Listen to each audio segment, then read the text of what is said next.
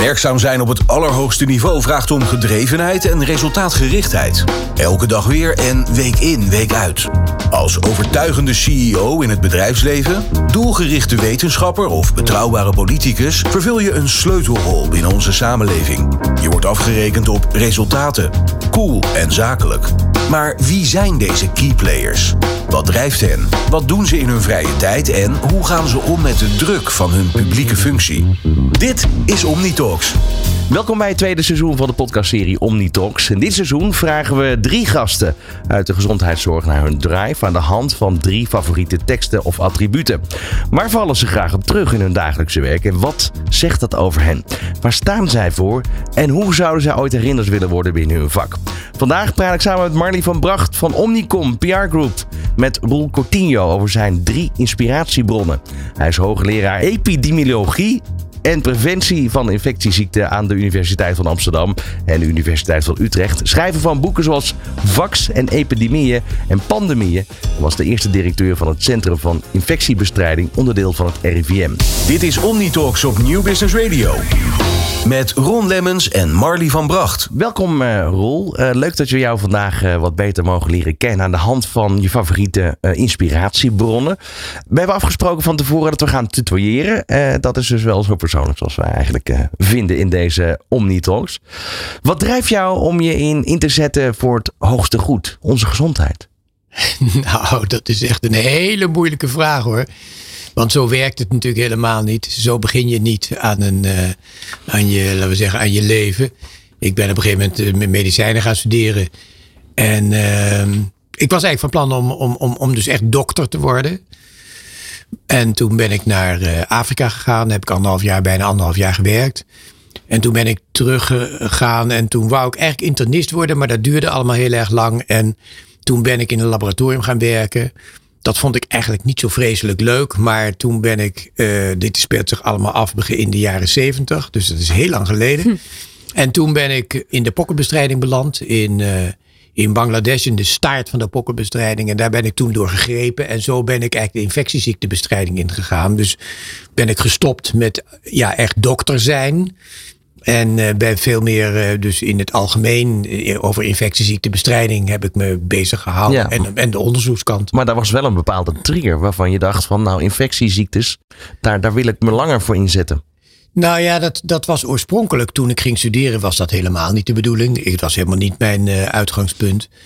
Maar toen ik daar in, in Bangladesh kwam bij die pokkenbestrijding, toen werd ik eigenlijk gegrepen door het feit dat. Kijk, pokken was toen op het punt om uitgeroeid te worden. Maar Bangladesh was het laatste land waar er nog grote problemen waren. En dat was ongelooflijk boeiend zoals dat daar ging. En, en ja, daar, daardoor ben ik daarin beland. En toen ben ik bij de GGD Amsterdam gaan werken. Wat iedereen een onzinnige stap vond. Want ja, dat GGD, dat was een suffige organisatie. Ja, en toen ben ik eigenlijk min of meer, ja, zoals het. Meeste mensen plannen hun carrière, maar dat is bij mij helemaal niet het geval geweest. Ik kwam, er was toen een enorme toename van seksueel overdraagbare aandoeningen in Amsterdam. En uh, kort daarna begon eigenlijk de HIV-AIDS-epidemie. Ja, en, dan, en toen begon er natuurlijk van alles te, te, te spelen. En, en heel veel onderzoek. En uh, nou ja, daar, daar ben ik toen heel erg in gedoken. Nou, leuk om te horen, Roel. En leuk je vandaag wel weten te leren kennen. Ja, we zitten momenteel zelf ook midden in een uh, pandemie natuurlijk. Uh, dat hoeven we jou niet te vertellen. Waar we heel erg benieuwd naar zijn. Het is natuurlijk ontzettend onvoorspelbaar, die infectieziekte. Wat motiveert jou om door te gaan als het ook even tegen zit? Nou ja, kijk, wat, wat boeiend is aan infectieziekte en infectieziektebestrijding is, ik, ben, ik heb een biologische achtergrond. Hè. Ik ben viroloog, dus ik heb in het laboratorium gewerkt en ik heb een medische achtergrond. Mm -hmm. Uh, maar heel veel van de, van de problemen die je, die je tegenkomt als je met infectieziektebestrijding te maken hebt, zijn eigenlijk maatschappelijke problemen. Want het gaat erom, net zoals wat je nu ook ziet, dat mensen moeten accepteren wat je wil doen. Hè. Dus toen ik begon in de pokkenbestrijding in Bangladesh, was dat, uh, dat land was net onafhankelijk geworden, was een verschrikkelijke hongersnood. En toen ik daar aankwam, ik was echt wel wat gewend in Afrika. Ja, toen zag ik voor het eerst mensen die op straat doodgingen van de honger. Wow, ja. En, uh, en daar moet je dan de pokken bestrijden. Nou, dat was natuurlijk helemaal niet de prioriteit hm. van dat land. Maar ja, het moest wel gebeuren, want ja, Kun je ons dus meenemen hoe dat dan nou ja, we- daar, omdat, omdat als, als het daar niet uitgeroeid zou worden, zou het wereldwijd niet uitgeroeid worden. Dus het moest wereldwijd uitgeroeid worden. Ja, en dan moet je dus een manier zien te vinden om de mensen toch te overtuigen om door te gaan. En dat, dat deden we ook. Ja, dat deden we natuurlijk vooral omdat wij eh, geld hadden. Hè, Het ging uit van de, van, van de WHO. En daardoor kon je mensen inhuren. En mensen hadden gewoon helemaal geen geld. Dus die wilden daar graag aan meewerken. Maar je moest het binnen die hele. Kijk, bedelaars bijvoorbeeld. Met pokken, die gingen juist met opzet midden op het station zitten. Want daar hadden, kwamen al honderden en honderden, honderden mensen langs. Ja, dat moest je dan zien te vermijden. Dus allemaal, het is van begin af aan dacht ik, ja, dit is een maatschappelijk iets. En dat heb ik bij de HIV-AIDS-epidemie, waar ik heel erg nauw bij betrokken ben geweest, was dat natuurlijk ook zo. Dat, gaat allemaal, dat ging over seksueel gedrag. Nu gaat het over eh, ja, het gedrag van afstand houden. Ben je bereid je aan de maatregelen te houden? Ben je bereid om je te laten vaccineren? Dat zijn geen medisch-biologische aangelegenheden. Dat zijn maatschappelijke dingen. Ja, en, aangelegenheden. en hoe overtuig je mensen daarvan? Ja. Dus En dat je- maakt het ook heel boeiend, hè? want dat is eh, juist dat, dat grensvlak is interessant. Zou je op dit moment, als je zou mogen kiezen, zou je dan in de schoenen van Jaap van Distel willen staan? Ja hoor, dat, dat, dat prima. Maar goed, ik heb het. eh, kijk, ik, heb, ik heb dat, eh, was de eerste directeur van het centrum. Ik heb dat acht jaar gedaan. En daar heb ik natuurlijk ja, ook heel veel meegemaakt met die, met die Mexicaanse griep. En met de, de, ja, dat was, eh, ik bedoel, de Q-koorts heb ik meegemaakt. Allerlei, de, de, de, vaccinatiecampagne tegen baarmoederhalskanker. En op een gegeven moment moet je er ook mee stoppen. Omdat, ehm, kijk, je, je, krijgt altijd reacties op de manier zoals je, of zoals je het doet. En dat zie je bij mijn opvolger ook. Ik bedoel, komt altijd kritiek los enzovoort. Dus je moet het op een gegeven moment moet je zeggen, nu moet iemand anders het overnemen. Want ik wek bijvoorbeeld weerstand op en dat heeft geen zin meer. Dus ik heb dat acht jaar gedaan en eh, dat was tijd om dat iemand anders het deed. Lees je veel? Ja, ik lees, ik lees heel erg veel. Eh, en soms merk ik dat ik dat achteraf eh, alweer vergeten ben wat ik net gelezen heb. Maar ik heb, ja, wat, wat heb ik nu? eh, ik heb toevallig net een. Ik, ik ben nog niet in een nieuw boek begonnen, dat wou ik wel doen. Maar omdat ik naar Cameroen geef, waar ze veel Frans spreken, heb ik mijn Frans weer opgehaald. Want ik. Dat, dat sprak ik in Senegal heel veel. Dus ik had net een boek gelezen van Lila Sli- Slimani. Dat zal je waarschijnlijk niet zo heel veel zeggen, maar het is ook in het Nederlands vertaald. En het is een, eh, een, een boek over een, eh, een kinderoppas. Die een vreselijk verhaal, die de kinderen uiteindelijk vermoordt. En dat gebeurt al Jeetje. helemaal in het begin. Maar het is geweldig goed beschreven over hoe die kinderoppas, een oudere vrouw, eigenlijk helemaal in de war raakt. En bij zo'n echtpaar die, eh, ja, die allebei afwezig zijn en dat eigenlijk niet in de gaten hebben. Het is een prachtig boek. En, eh, en ik moet dus nu aan een, eh, aan, een nieuw boek beginnen. Ik, ik, ik, ja, ik denk dat het weer een Frans boek wordt, maar dat eh, weet ik nog niet. Nou, Rol, je hebt drie fragmenten vandaag eh, meegenomen. En graag wil ik eh, nu naar het eerste fragment gaan. In Omnitalks belichten we net even de andere kant van prominente vakmensen. Hoe? Door onze gasten te vragen naar drie van hun meest bijzondere tekst- of audiofragmenten waar ze inspiratie uit halen. That's a magic number. Omnitalks. Fragment 1. Ja, dan komt hij het, het eerste fragment. Ja. Nou ja, dat komt uit een boek van eh, Philip Roth. En eh, dat heb ik gekozen omdat het over de polio eh, gaat. Het speelt zich af in 1944. Hè, dat, en, en ik zal die zin even voorlezen. Het is in het Ja, Engels. Het is de openingszin. The first case of polio that summer came early in June, right after Memorial Day, in a poor Italian neighborhood cross down from where we lived. En, en waarom is het, Philip Roth is natuurlijk een geweldige schrijver. Kun je Maar- iets meer over Philip ook vertellen? Zo meteen? Nou, ik, nee, want, want hij heeft natuurlijk ontzettend veel geschreven. en, maar het gaat hier vooral over het feit dat hij, ja, hij zegt ook, elke zomer, hè, dat is een polio 1944, elke zomer kwam polio terug. En in 1944 wist men niet hoe het werd overgedragen. En men wist niet eh, dat het een virus was, want dat is pas tien jaar later eigenlijk ontdekt. Zo. En wat hij in dat boek laat zien, is, is, is die enorme ontreddering die zo'n polio-epidemie eh, veroorzaakte in Amerika. Maar dat was overal zo. Elke zomer was het raak. En, en het gaat dus over een jongen die dan, ja, die dan ergens naar de bergen gaat, omdat hij eigenlijk weg wil uit die polio-omgeving. En dan lijkt het erop dat hij het meeneemt naar dat zomerkamp. En eh, zich vreselijk schuldig voelt, zelf ziek wordt. En dan ook breekt daar, daar ook polio uit. Het is een heel, ik vind het geweldig goed geschreven. En vooral omdat het laat zien dat je, ja, de, de, de hopeloosheid als je met iets te maken hebt wat, je, wat heel ernstige ziekte, Mhm. hè, polio, Mhm. heel ernstige ziekte, kinderverlamming. En je weet totaal niet wat je moet doen en je weet ook niet hoe je het kunt voorkomen. Ja. En ik denk ook, je zegt daar ook iets heel treffends. Dat schuldgevoel is ook iets wat we denk ik vandaag de dag allemaal ook wel eens herkennen. Als je toch ergens bent geweest en eh, wellicht denkt dat je corona ergens mee naartoe Nee, hebt precies. genomen. Ja, en dus ja. het is ontzettend ook herkenbaar vandaag de dag. Ja, ja je wordt gebeld en, en, en iemand zegt, ja, ja, ja, de, een van de, nee, ik, ik heb net, net zelf meegemaakt Ja. eh, vorige week, een van mijn kleinkinderen, dat mijn zoon belt, ja, ja, ja hij was eh, positief gevonden en je was er hier op zondag net om te gaan eten. Nou, dat is alweer een tijd geleden, dus maak je geen zorgen. Maar dan merk je ook dat mensen denken van, ja, nou ja, moet ik het nou vertellen? Ja, ik moet het vertellen, maar leuk is het niet. Precies. Dus het is kwetsbaar. Nou is het natuurlijk, eh, polio is een veel ernstiger eh, aandoening. eh, hoewel, ja, ook daar is het zo dat maar een klein deel van de mensen die het virus bij zich hebben ook echt ziek worden hoor. Dus dat is wat dat betreft enigszins vergelijkbaar. Maar die ziekte zijn we helemaal vergeten. Hè? Dat is dat, die, die, die, Ook interessant hoe dat dan werkt, hè? Ja. ja, het is, het is een van. We hebben eerst pokken uitgeroeid, daar heb ik zelf aan meegewerkt. En polio lijkt erop dat het de tweede ziekte is die we echt gaan uitroeien. Dus dat is op zich wel heel bijzonder. En ja, dat kan omdat het weer een, een, een virusinfectie is die komt, alleen bij mensen voorkomt. Dus het is mogelijk. Alleen ja, het gaat langzamer dan we gedacht hadden. En hoe kijk je zelf als persoon terug op de afgelopen anderhalf jaar dat we in de coronapandemie zitten? Nou ja, ik, ik, het, het, toen ik daar. eh, ik- had dus een boek geschreven over epidemieën en pandemieën toevallig. En dat was, was echt toeval, want ik was daarvoor benaderd door een uitgever. En ik dacht, nou, dat is boeiend. Dus, ik heb het wat rustiger, dus dat kan ik doen. En toen dat boek uitkwam, toen begon dus net die, die hele. Deze, en toen.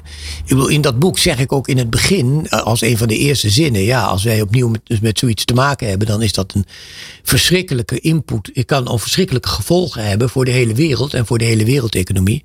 Maar dat het ook werkelijkheid zou worden, dat, eh, dat had ik niet gedacht. En dat gebeurde dus, geloof ik, een maand nadat dat boek uitkwam.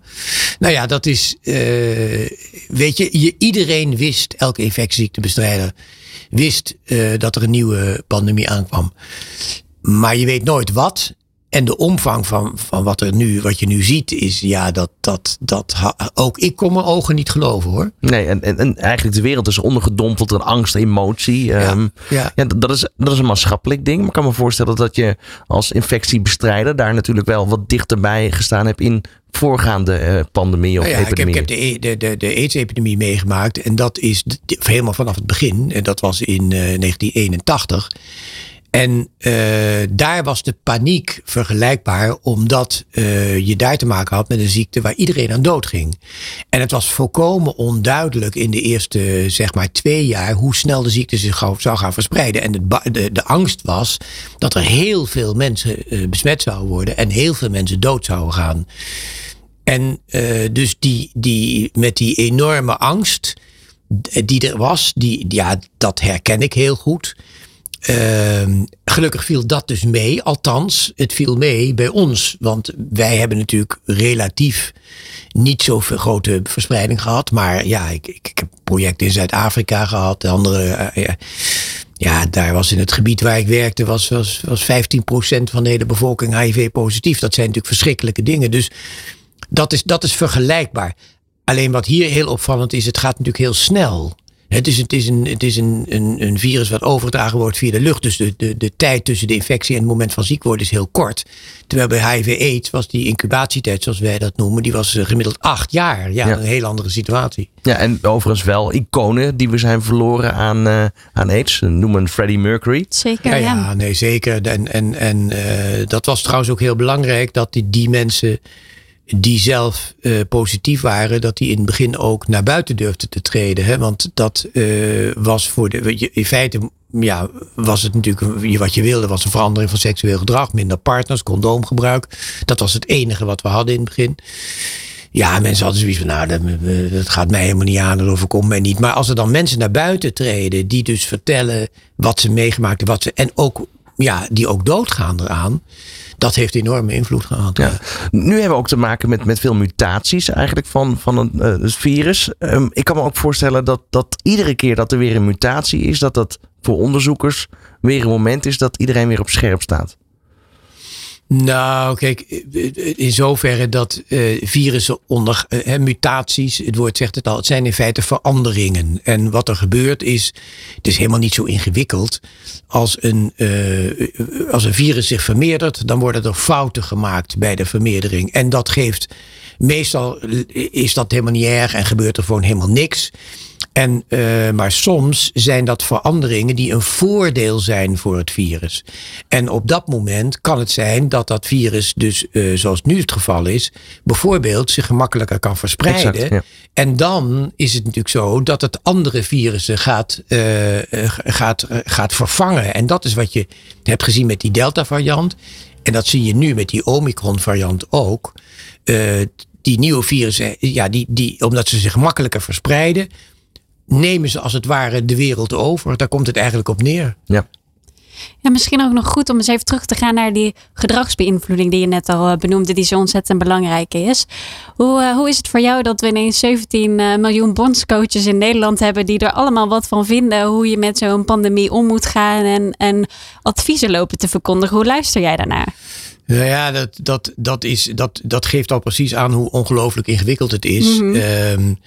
Want heel veel van de adviezen zijn natuurlijk niet, uh, daar hoef je geen viroloog voor te zijn. Ik bedoel, Precies. het simpele feit dat je zegt je moet anderhalve meter afstand houden, uh, je moet een mondkapje dragen. Allemaal dingen die zijn natuurlijk vrij simpel. En die kan iedereen bedenken. Uh, ja, ik, ik, soms denk ik inderdaad wel eens, het lijkt een beetje op het voetbal gebeuren. uh, maar wat je wel ziet in, in verschillende landen is dat je heel consistent eigenlijk de maatregelen moet vasthouden. En niet te snel moet wisselen, want dan gaat het vertrouwen verloren. Ja, en wordt en, het ook heel onduidelijk natuurlijk. Ja, en, en dat, is, dat is altijd heel erg moeilijk. Want je begrijpt ook wel dat een politicus hoopt van, uh, nou weet je, nu hoef ik die mondkapjes niet meer en is het ook klaar. Dat is natuurlijk een hele prettige boodschap de werkelijkheid is, is, is anders. En dan is het heel pijnlijk dat je je dan weer moet terug moet. Dat, dat maakt het allemaal heel erg lastig. En dat is omgaan met zo'n probleem. Dat hoort er gewoon bij.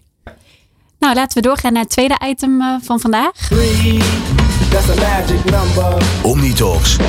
Fragment 2. Ja, dat zijn twee beeldjes die ik gekocht heb in, uh, in Cameroen. En waarom heb ik dat? Uh, dacht ik, nou, dat is een leuk item.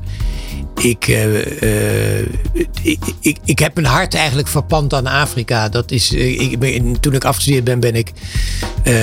is mijn eerste medische ervaring was in Afrika. Ik heb toen in, eh, ja, dat, ik, in, voor een bevrijdingsbeweging gewerkt. Ik was dokter voor een bevrijdingsbeweging van, uh, van Guinea-Bissau. Guinea-Bissau en Mozambique en Angola waren de laatste Portugese koloniën. Mag ik vragen hoe je daar terecht bent gekomen? Ja, dan zo dat, dat is in ieder geval heel, heel veel. Het werd een ingewikkeld verhaal. Ik wou naar Afrika en het leek me heel interessant. Yeah. En eh, de Portugezen hielden, het was nog een dictatuur, die hielden vast aan die koloniën.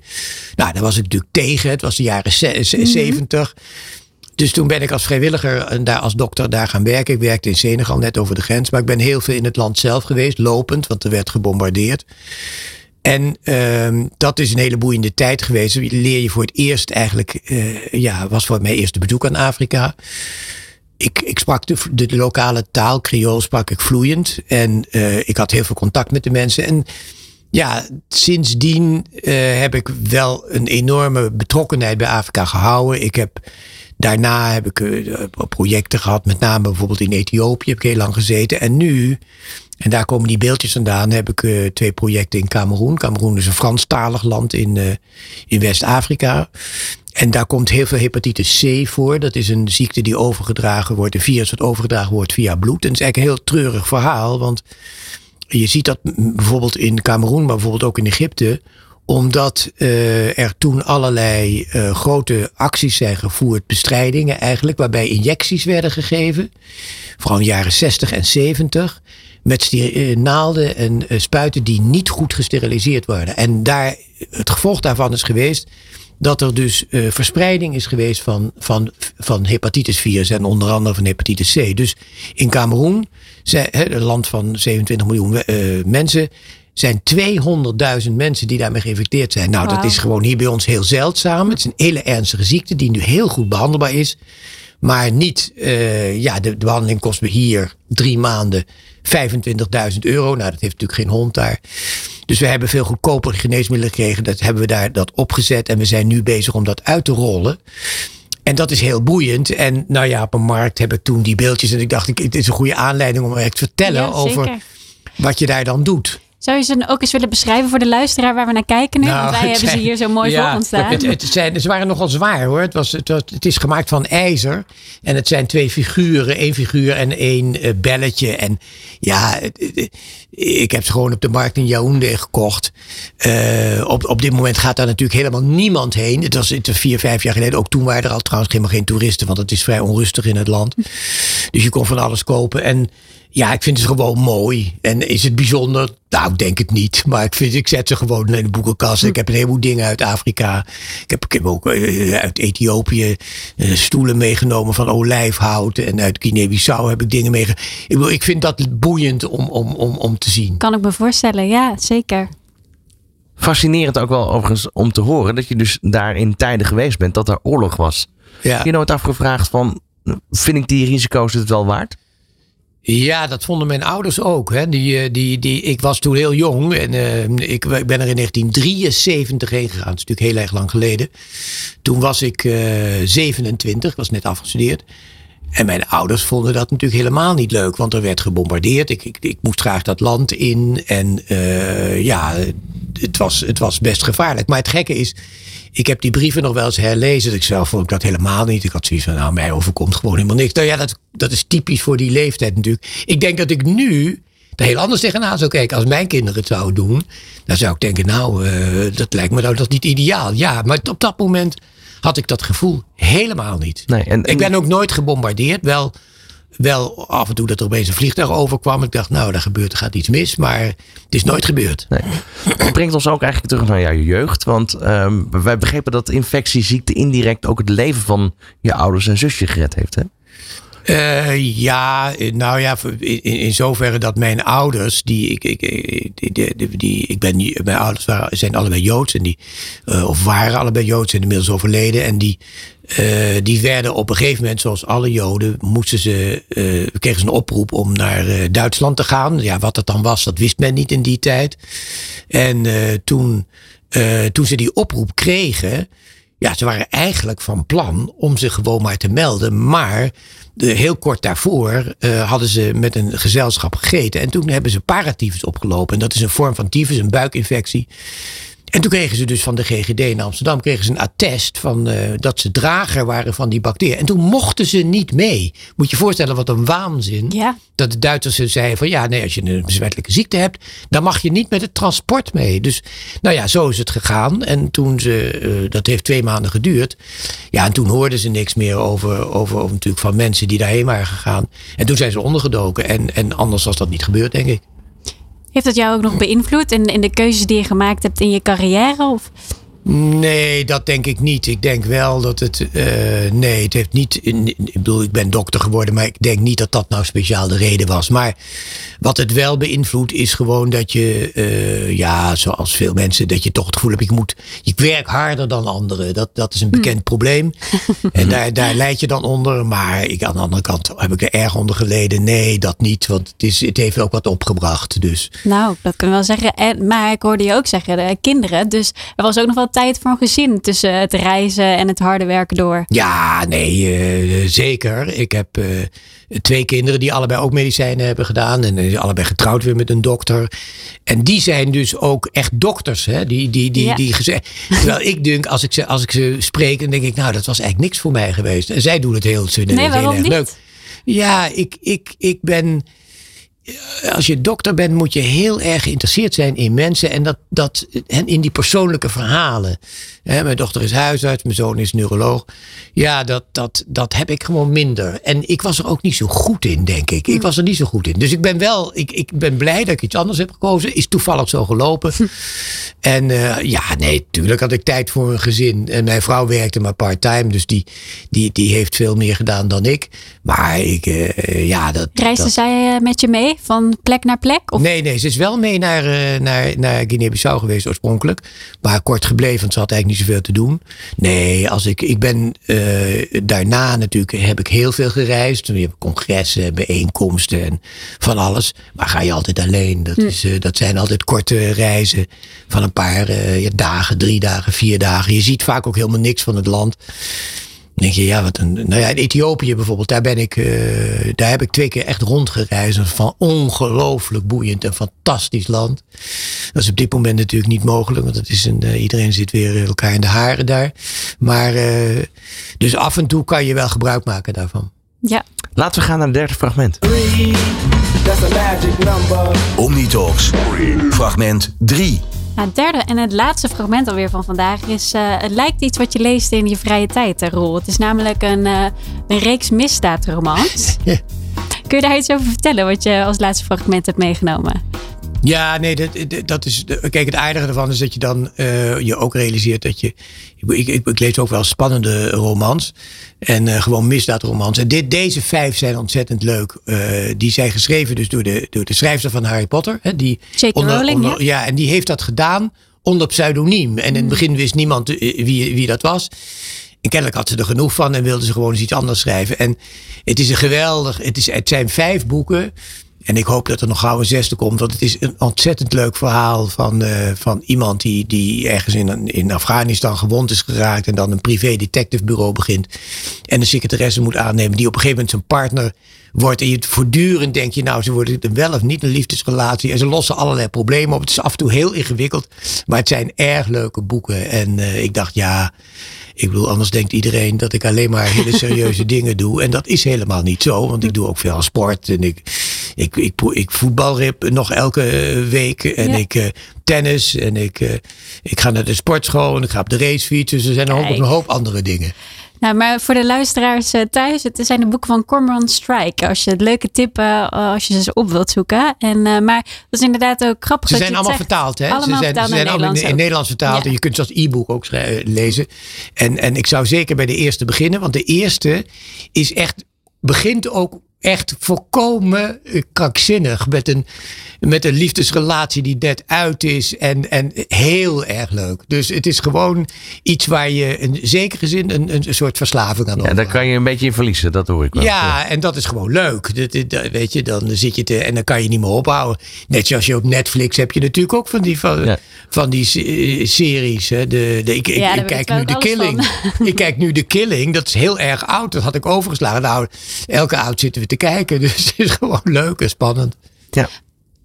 Nou, fijn om te horen dat je ook leuke dingen doet eh, in je pensioen. Want je bent inmiddels pensioen, eh pensioen, Ik hou niet van het woord pensioen hoor, maar zeg het maar. Ja. Ja, en eh, na sporten en boeken lezen, zijn er nog andere dingen die je echt heel graag doet als je een vrij moment hebt? Nou, ik, ik, dat, die, dat project, die projecten in Cameroen. Ik zou dus vorige week in Cameroen zijn. Maar door die Omicron-variant zijn we niet op reis gegaan. Omdat dat toch een beetje onduidelijk was. Of je straks opeens niet meer terug. Er is zoveel paniek. Daar, daar- dat kost me tijd. Want daar heb ik twee grote projecten. Dus dat doe ik nu allemaal online. En ik zit in een aantal eh, besturen. En in eh, dat soort dingen. En ik, Vak ik kan- laat je nog niet helemaal los. Dus. Nee, nee, helemaal niet. En, en, en, en dat vind ik ook boeiend. Maar ik d- echt weer. ik, ik heb een, een, een vijf maanden geleden nog een lezing gegeven voor een wereldcongres. Echt zo'n zo'n uitgenodigde lezing. En eh, dat heb ik toen gedaan. En toen dacht ik, dit doe ik niet meer. Want ik ben er te veel uit en ik wil dat niet meer. Dus je, bent, eh, je moet op een gegeven moment stoppen met dat soort dingen. En dat besef ik nu ook wel. Eh, je kunt nog wel dingen doen, maar niet meer op hetzelfde niveau. En, want kijk, als je wetenschappelijk bezig bent, zit je in een wetenschappelijke omgeving. Je krijgt kritiek en weet ik wel. Dat heb ik ook niet meer, want ik ben alleen in feite. Hè. Dus dan moet je dat niet meer doen. Dus het is wel, eh, het, het is een overgangsperiode. En die projecten in Cameroen, daar kan je nog wel het verschil maken. Ja, dat, dat is. Nou ja, daar. Kijk, het gaat erom dat daar zijn dus. Zeg 180.000 mensen die niet behandeld worden en die wel behandeld Ja. zouden kunnen worden. En dat vind ik dan, als ik daar een bijdrage aan kan leveren. Omdat van, ik bedoel, we hebben nu gewoon die projecten. We hebben nu gebrek aan geld. We moeten gewoon, we zouden het zo kunnen verder kunnen doen. En ik ben met het ministerie in overleg daar. Maar ja, dat schiet niet op. En die hebben natuurlijk te weinig geld. En ze zijn met andere dingen bezig. Dus dat is typisch zo'n project waarvan ik denk, we hebben nu bijna 500, 800 mensen behandeld. Ja, er zijn er nog duizenden en duizenden die we op dezelfde manier kunnen behandelen.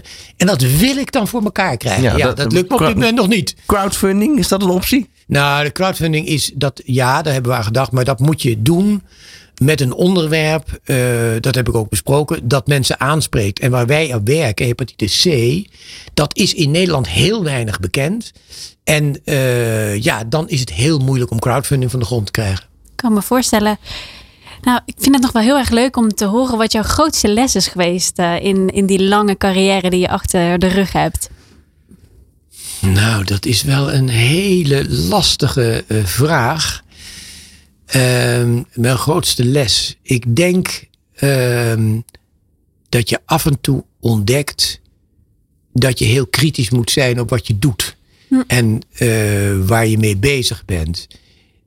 Ehm, wat dat betreft heb ik ook wel fouten gemaakt. In de zin van dat ik heel enthousiast ergens ingesprongen ben. En later dacht, dat had ik eigenlijk anders moeten doen. En dat uh, is dan ook belangrijk, niet alleen om voor jezelf te erkennen, maar ook naar buiten toe. Mm. Dat, is, dat zie je vaak, dat is heel moeilijk voor mensen om te zeggen van nou, dat had ik beter anders kunnen doen. En dat heb ik wel geleerd. Dat ik dat, uh, dat durf ik, dat durfde ik op een gegeven moment wel. En dat is ook goed, denk ik. En dat is, uh, dat is wel de levensles. En verder, ja, zoals iedereen doe je dingen verkeerd. Ja. Dat zo is het leven. En denk je achteraf, ja, noem maar wat. Uh, ik was toen mijn kinderen klein waren, was ik er vaak niet. En dan denk je achteraf, ja, dat, is dat nou wel verstandig? Maar ik nu, mijn kinderen zijn, zijn er niet, klagen er niet over. En uh, ja, nu een heleboel kleinkinderen. Dus dan gaat het. Nee, ik heb niet iets dat ik zou zeggen van nou, dat, dat had ik heel anders moeten doen. Ik, ik heb iets gedaan waar ik heel veel plezier in heb gehad waar ik ook nog nu ook nog heel erg enthousiast voor kan zijn en waarvoor ik me kan inzetten. En dat is niet veranderd. Het voelt niet als werk. Dat, dat is eigenlijk wel wat ik uit het verhaal op kan maken. Wat zeg je? Het voelt niet als werk. Nee, het voelt eigenlijk als, uh, tegelijkertijd als uh, een hobby. Daarom is het zo moeilijk om er afscheid van te nemen. En dat moet je natuurlijk wel doen als je ouder wordt, omdat je gewoon een aantal dingen niet meer zo goed kan. Ja. Je bent niet meer volledig op de hoogte. En uh, dat kost me moeite hoor. Dat kost me moeite. Daar heb ik wel eens gesprekken over. Maar goed, uh, dat, dat is lastig. We zitten nu weer midden in een, eh, een coronapandemie. We hebben het net al eerder in dit gesprek gehad over ja, wat pandemie, pandemieën met mensen doet. Emoties, boosheid, angst. Eh, dan, dan die boostervaccins waar nu volop over gesproken. Wat zou je willen zeggen tegen de Nederlanders die, ja, die het wel een beetje gehad hebben met de maatregelen? Ja, ik denk dat iedereen zich moet realiseren dat, uh, dat die maatregelen echt noodzakelijk zijn en dat je je er ook aan moet houden. Kijk, ik, ik, ik was laatst ook in een winkel waar dan iemand binnenloopt en die heeft dan geen mondkapje. Die kijkt dan heel agressief om zich heen. En denk ik, waarom, hoe kan dat nou? Waarom, waarom doet iemand dat eigenlijk? Want zo ingewikkeld is het toch allemaal niet? En uh, bijvoorbeeld in cafés, waar dan, uh, een paar keer ook meegemaakt in het begin, waar je dan niet gecontroleerd wordt op die pas. Dat, dat zijn dingen die ik niet begrijp. En uh, misschien moeten we het beter uitleggen, dat weet ik niet precies. Maar het is in ieders belang. En waar het wel om gaat, is: het is niet alleen in je eigen belang, het is ook in het belang van, van anderen. Dus er is een grote factor, dat is de solidariteit met je omgeving.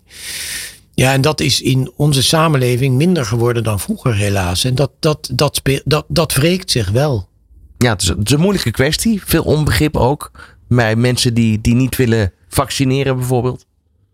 Ja, dat, dat is uh, overigens geen nieuw verschijnsel. Hè. Dat, dat, dat, is, dat is bekend. Er zijn altijd mensen die, uh, die zich niet laten vaccineren. Voor, voor een deel komt dat natuurlijk omdat mensen niet goed weten. Uh, er zijn allerlei verhalen over ernstige bijwerkingen die kloppen dan niet. Dus het is een, voor een deel is het een kwestie van, uh, van informatie. Maar voor een deel is het ook, is het ook emotie. Want uh, ik zei al bij, bij de HIV-AIDS-epidemie, de grootste invloed op het gedrag is geweest dat mensen die AIDS hadden en daaraan doodgingen, dat vertelden en lieten zien wat er gebeurde. Dat maakt ongelooflijk veel indruk. En hetzelfde geldt natuurlijk voor mensen die niet gevaccineerd zijn in het ziekenhuis belanden op de intensive care en dat verhaal vertellen. Dat zie ik weinig. En dat maakt wel heel veel indruk. Dus die emotie moet je ook durven te gebruiken, denk ik. Dus meer verhalen vertellen, denk ik, aan elkaar. Dat is een hele mooie boodschap. Nou ja, niet alleen verhalen vertellen, maar ook vertellen van ja, zo iemand die dan zegt: dit had ik niet moeten doen. Ik had me Ja, wel de moeten luisteren. impact die het heeft Ja, wat, hè? wat gebeurt Ja. er eigenlijk met Mhm. mij daardoor? En, en dat zijn de dingen die indruk maken. Zullen we naar de laatste vragen voor deze uitzending alweer? En eh, we gaan nog, als het kan, nog even terug. Toch weer. We hebben al een aantal eh, boekfragmenten gehad, natuurlijk. Maar we zijn ook heel erg benieuwd naar wat voor muziek jij nou luistert.